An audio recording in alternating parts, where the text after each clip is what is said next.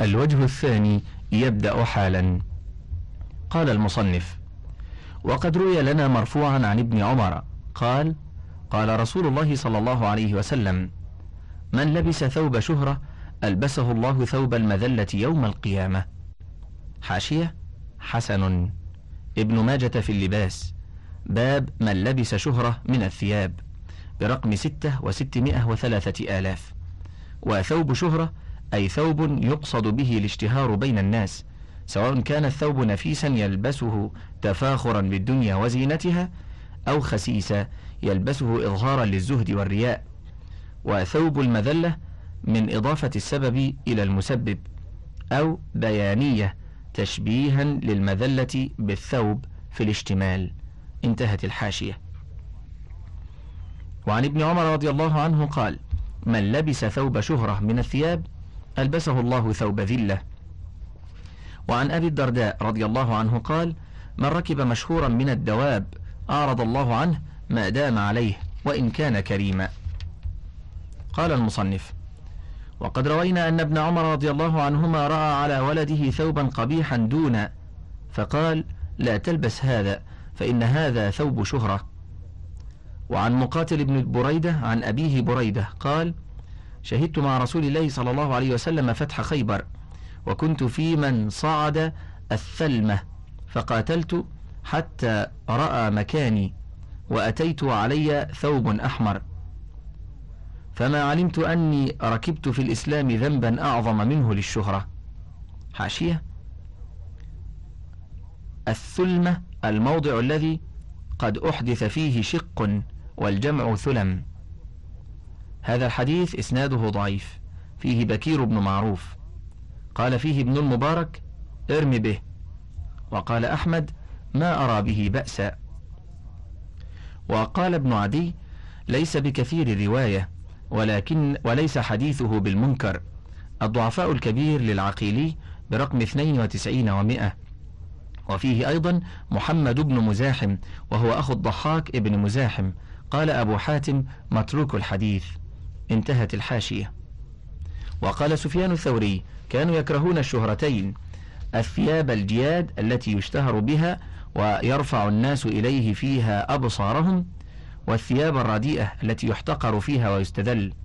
وقال معمر عاتبت أيوب على طول قميصه فقال إن الشهرة فيما مضى كانت في طوله وهي اليوم في تشميره.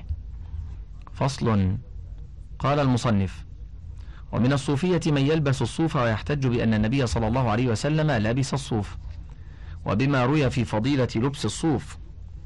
فأما لبس رسول الله صلى الله عليه وسلم الصوف فقد كان يلبسه في بعض الأوقات. لم يكن لبسه شهرة عند العرب. حاشية؟ صحيح. البخاري في اللباس. باب لبس جبة الصوف في الغزو. الجزء العاشر صفحة الثمانون بعد المئتين. ومسلم في الطهارة. باب المسح على الخفين برقم تسعة وسبعين وانتهت الحاشية. وأما ما يروى في فضل لبسه فمن الموضوعات التي لا يثبت منها شيء.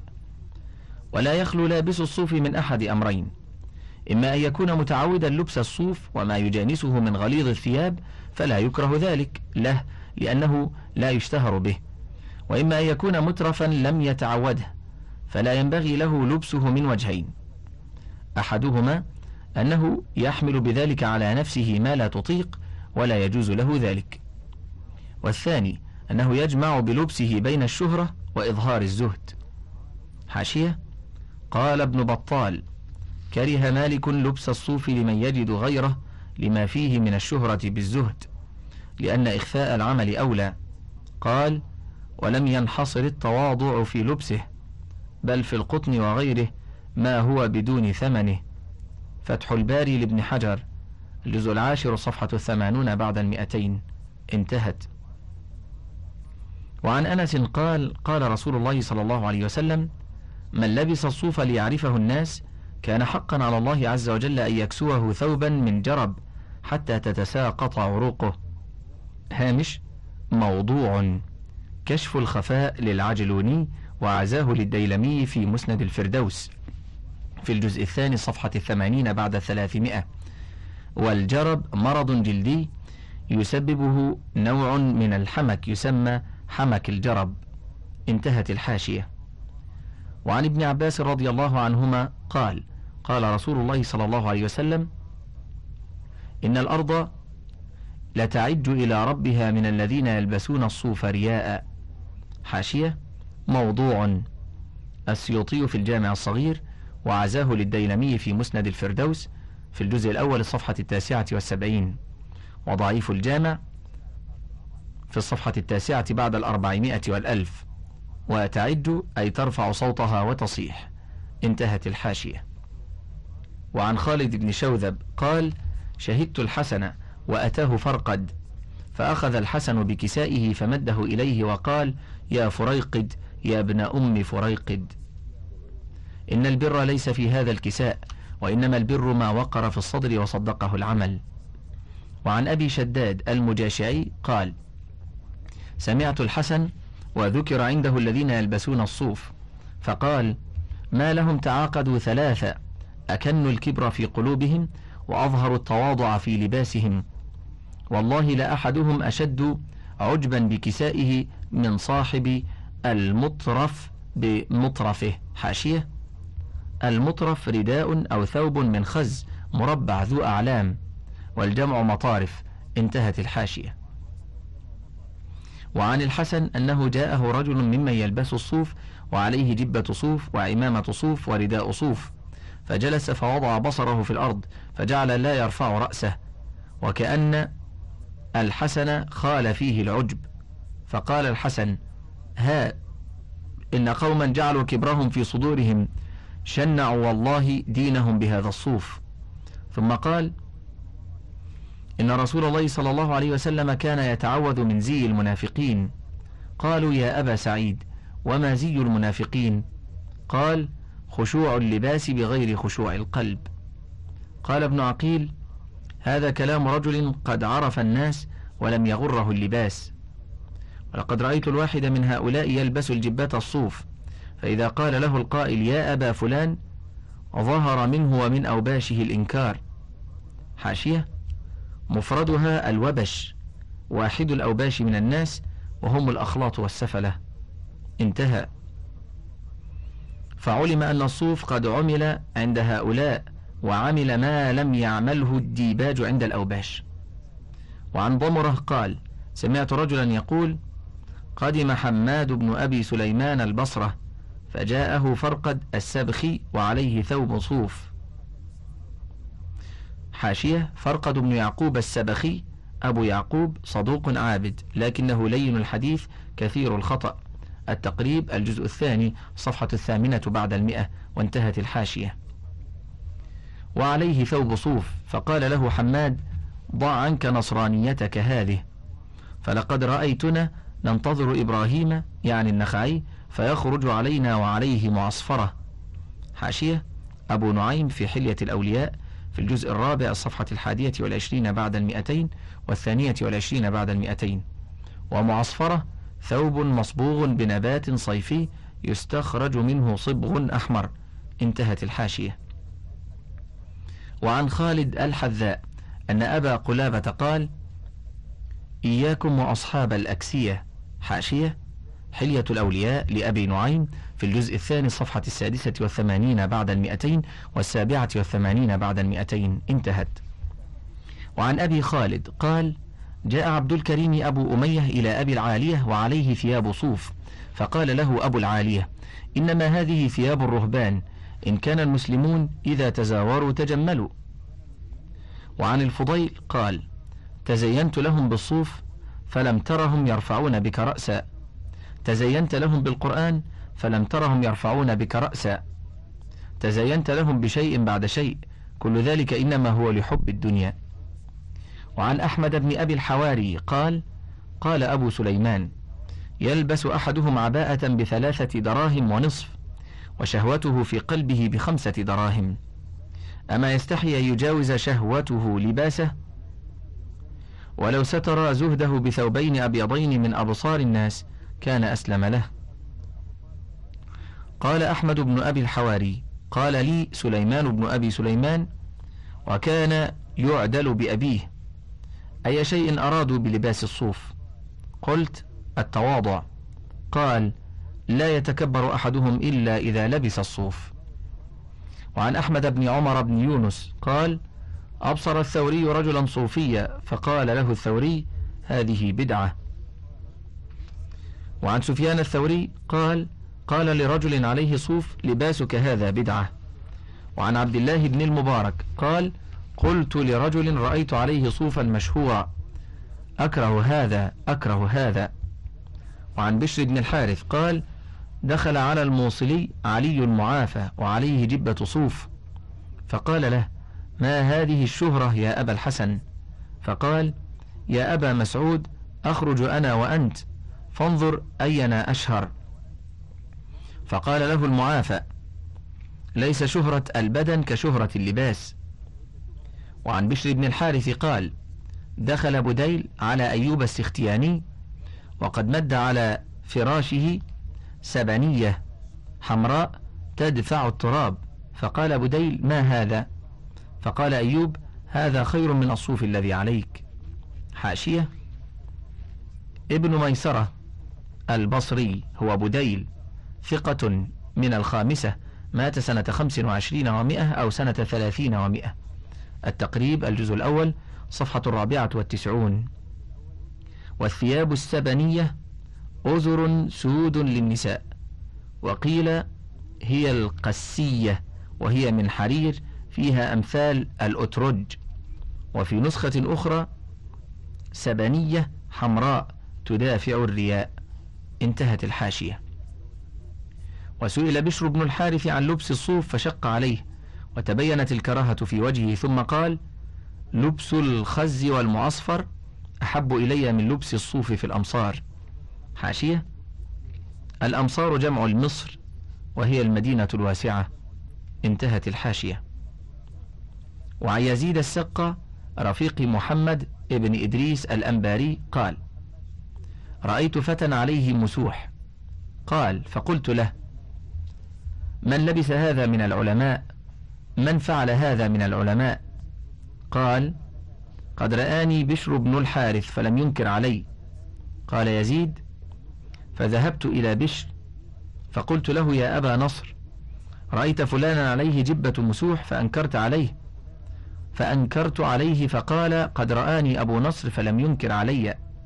قال فقال لي بشر لم تستشرني يا أبا خالد. لو قلت له لقال لي لبس فلان ولبس فلان.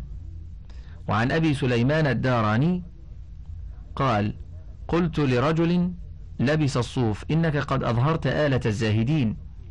فماذا أورثك هذا الصوف؟ فسكت الرجل. فقال له يكون ظاهرك قطنيا وباطنك صوفيا وعن ابن سيرويه قال دخل أبو محمد ابن أخي معروف الكرخي على أبي الحسن بن بشار وعليه جبة صوف فقال له أبو الحسن يا أبا محمد صوفت قلبك أو جسمك؟ صوف قلبك والبس القوهي على القوهي. حاشية القوهي ضرب من الثياب بيض. انتهت. وعن النضر بن شميل قال قلت لبعض الصوفية تبيع جبتك الصوف؟ فقال إذا باع الصياد شبكته بأي شيء يصطاد؟ حاشية النضر بن شميل ابن خرشة ابن يزيد المازني التميمي أبو الحسن. أحد الأعلام بمعرفة أيام العرب ورواية الحديث وفقه اللغة. ولد بمرو سنة 22 ومئة. انتقل إلى البصرة مع أبيه سنة 28 ومئة. أصله منها. أقام زمنا وعاد إلى مرو فولي قضاءها. توفي بها سنة ثلاث ومئتين. من كتبه الصفات. كتاب السلاح. المعاني. غريب الحديث. الأنواء. انظر الأعلام في الجزء الثامن في الصفحة الثالثة والثلاثين وانتهت الحاشية. قال أبو جعفر بن جرير الطبري ولقد أخطأ من آثر لباس الشعر والصوف على لباس القطن والكتان مع وجود السبيل إليه من حله. ومن أكل البقول والعدس واختاره على خبز البر. ومن ترك أكل اللحم خوفا من عارض شهوة النساء. فصل. قال المصنف وقد كان السلف يلبسون الثياب المتوسطة لا المرتفعة ولا الدون ويتخيرون أجودها للجمعة والعيدين ولقاء الإخوان. ولم يكن غير الأجود عندهم قبيحا وقد أخرج مسلم في صحيحه من حديث عمر بن الخطاب رضي الله عنه أنه رأى حلة سيراء تباع عند باب المسجد. فقال لرسول الله صلى الله عليه وسلم لو اشتريتها ليوم الجمعة وللوفود إذا قدموا عليك. فقال رسول الله صلى الله عليه وسلم إنما يلبس هذه من لا خلاق له في الآخرة. حاشية صحيح. مسلم في اللباس. باب تحريم استعمال إناء الذهب والفضة برقم ستة. حلة سيراء. ضبط الحلة ها هنا بالتنوين على أن سيراء صفة وبغير تنوين على الإضافة. والمحققون يختارون الإضافة. وأكثر المحدثين ينونون وهي بارود يخالطها حرير. قالوا كأنها شبهت خطوطها بالسيور. من لا خلاق له قيل معناه من لا نصيب له في الآخرة وقيل من لا حرمة له وقيل من لا دين له. انتهت الحاشية. فما أنكر عليه ذكر التجمل بها وإنما أنكر عليه لكونها حريرا. قال المصنف رحمه الله وقد ذكرنا عن أبي العالية أنه قال كان المسلمون إذا تزاوروا تجملوا وعن ابن عون عن محمد قال كان المهاجرون والأنصار يلبسون لباسا مرتفعا وقد اشترى تميم الداري حلة بألف ولكنه كان يصلي بها. وعن محمد بن سيرين أن تميما الداري اشترى حلة بألف درهم وكان يقوم فيها بالليل إلى صلاته. وعن ثابت أن تميما الداري كانت له حلة قد ابتاعها بألف كان يلبسها الليلة التي ترجى فيها ليلة القدر. وعن قتادة أن ابن سيرين أخبره أن تميما الداري اشترى رداء بألف فكان يصلي بأصحابه فيه. قال المصنف رحمه الله قلت وقد كان ابن مسعود من أجود الناس ثوبا وأطيبهم ريحا وكان الحسن البصري يلبس الثياب الجياد. قال كلثوم بن جوشن خرج الحسن عليه جبة يمنية ورداء يمني فنظر إليه فرقد فقال يا أستاذ لا ينبغي لمثلك أن يكون هكذا. فقال الحسن يا ابن أم فرقد أما علمت أن أكثر أصحاب النار أصحاب الأكسية؟ حاشية كلثوم بن جوشن أبو يزيد ضعيف من السابعة. التقريب الجزء الثاني صفحة السادسة والثلاثون والمئة. انتهت. وكان مالك بن أنس يلبس الثياب العدنية الجياد. وكان ثوب أحمد بن حنبل يشترى بنحو الدينار. وقد كانوا يؤثرون البذاذة إلى حد. وربما لبسوا خلقان الثياب في بيوتهم. فإذا خرجوا تجملوا ولبسوا ما لا يشتهرون به من الدون ولا من الأعلى. وعن عيسى بن حازم قال كان لباس إبراهيم بن أدهم كتانا قطنا فروة لم أرى عليه ثياب صوف ولا ثياب شهرة. وعن محمد بن ريان قال رأى علي ذنون خفا أحمر فقال انزع هذا يا بني فإنه شهرة ما لبسه رسول الله صلى الله عليه وسلم. إنما لبس النبي صلى الله عليه وسلم خفين أسودين ساذجين. حاشية. صحيح. أبو داود في الطهارة. باب المسح على الخفين برقم خمسة وخمسين ومائة الترمذي في الأدب. باب ما جاء في الخف الأسود برقم عشرين وثمانمائة بعد الألفين. ابن ماجه في الطهارة. باب ما جاء في المسح على الخفين برقم تسعة وأربعين وخمسمائة. وفي اللباس. باب الخفاف السود برقم عشرين وستمائة بعد ثلاثة الآلاف. مختصر الشمائل المحمدية برقم ثمانية وخمسين. وقد أهدى النجاشي هذين الخفين إلى النبي. والساذجين أي خالصين في السواد. انتهت الحاشية. وعن الربيع بن يونس قال قال أبو جعفر المنصور العري الفادح خير من الزي الفاضح. حاشية. فادحه الدين أثقله الفادحة النازلة والجمع فوادح وانتهت الحاشية. فصل قال المصنف واعلم أن اللباس الذي يزري بصاحبه يتضمن إظهار الزهد وإظهار الفقر وكأنه لسان شكوى من الله عز وجل ويوجب احتقار اللابس وكل ذلك مكروه ومنهي عنه. وعن الأحوص عن أبيه قال أتيت رسول الله صلى الله عليه وسلم وأنا قشف الهيئة. فقال هل لك مال؟ قلت نعم. قال من أي المال؟ قلت من كل المال قد آتاني الله عز وجل من الإبل والخيل والرقيق والغنم. قال فإذا آتاك الله عز وجل مالا فليرى عليك. حاشية صحيح. أبو داود في اللباس. باب في غسل الثوب وفي الخلقان. برقم ثلاثة وستين وأربعة آلاف. والحاكم في المستدرك. في الجزء الرابع صفحة الحادية والثمانين والمئة. وصحيح الجامع. برقم أربعة وخمسين بعد المئتين. انتهت الحاشية. وعن جابر قال أتانا رسول الله صلى الله عليه وسلم زائرا في منزلي فرأى رجلا شعثا فقال أما كان يجد هذا ما يسكن به رأسه؟ ورأى رجلا عليه ثياب وسخة فقال أما كان يجد هذا ما يغسل به ثيابه؟ حاشية. صحيح. أبو داود في اللباس باب في غسل إلى آخره برقم 62 وأربعة آلاف. أحمد في المسند في الجزء الثالث في الصفحة السابعة والخمسين والثلاثمائة. الحاكم في المستدرك الجزء الرابع الصفحة السادسة والثمانون والمئة صحيح الجامع برقم ثلاثة وثلاثين وثلاثمائة بعد الألف. السلسلة الصحيحة برقم ثلاثة وتسعين وأربعمائة وانتهت الحاشية.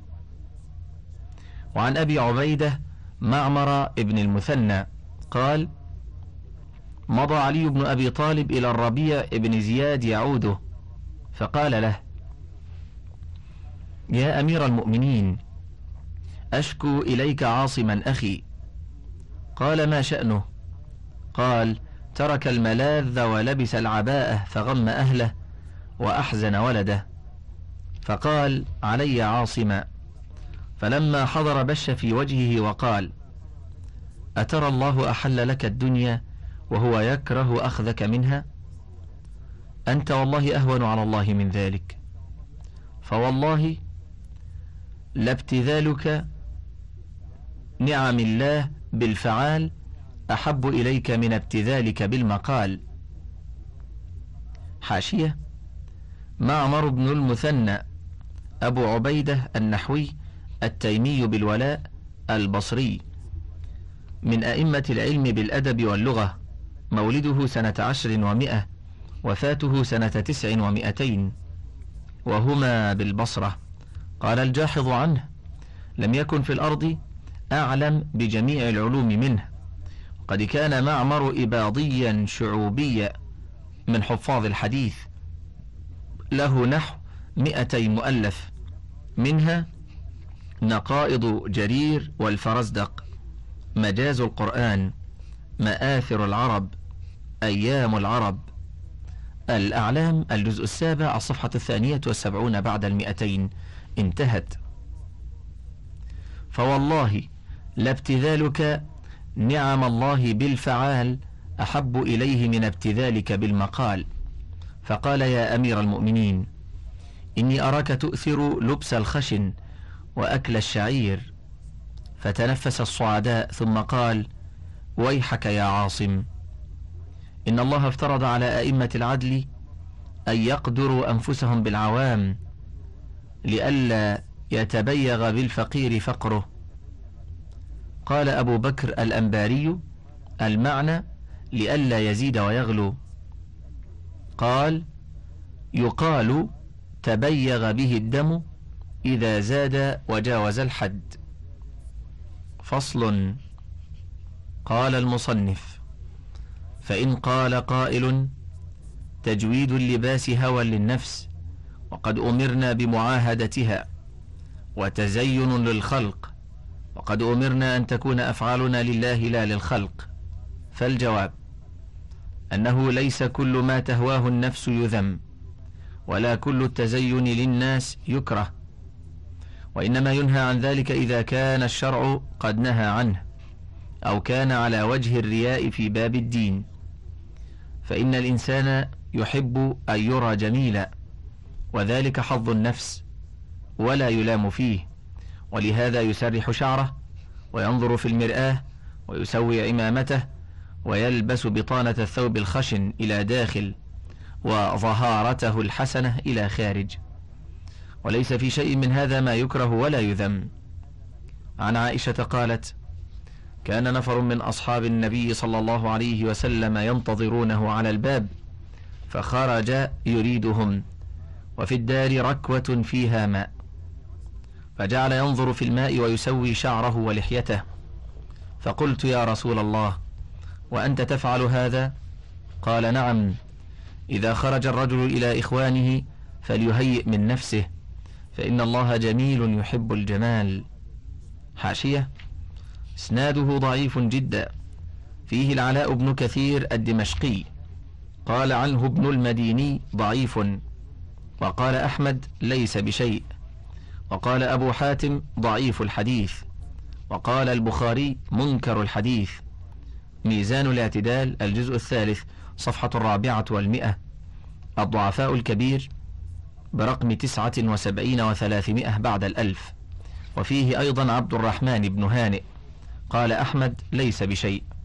الميزان الجزء الثاني الصفحة الخامسة والتسعون والخمسمائة الضعفاء الكبير الصفحة الحادية والخمسون والتسعمائة وانتهت الحاشية. وعن عائشة قالت خرج رسول الله صلى الله عليه وسلم فمر بركوة لنا فيها ماء فنظر إلى ظله فيها ثم سوى لحيته ورأسه ثم مضى فلما رجع قلت يا رسول الله تفعل هذا؟ قال وأي شيء فعلت نظرت في ظل الماء فهيأت من لحيتي ورأسي. إنه لا بأس أن يفعله الرجل المسلم إذا خرج إلى إخوانه أن يهيئ من نفسه. حاشية. إسناده ضعيف جدا. فيه محمد بن عبيد الله العرزمي. قال فيه أحمد ترك الناس حديثه. وقال الفلاس والنسائي متروك. الضعفاء والمتروكون للدار قطني في الصفحة الثانية والخمسين والأربعمائة. وفيه أيضا عبد الرحمن ابنه. قال فيه أبو حاتم ليس بالقوي. الضعفاء والمتروكون. الصفحة التاسعة والثلاثون والثلاثمائة. وانتهت الحاشية. انتهى الشريط الخامس عشر. وللكتاب بقية على الشريط التالي.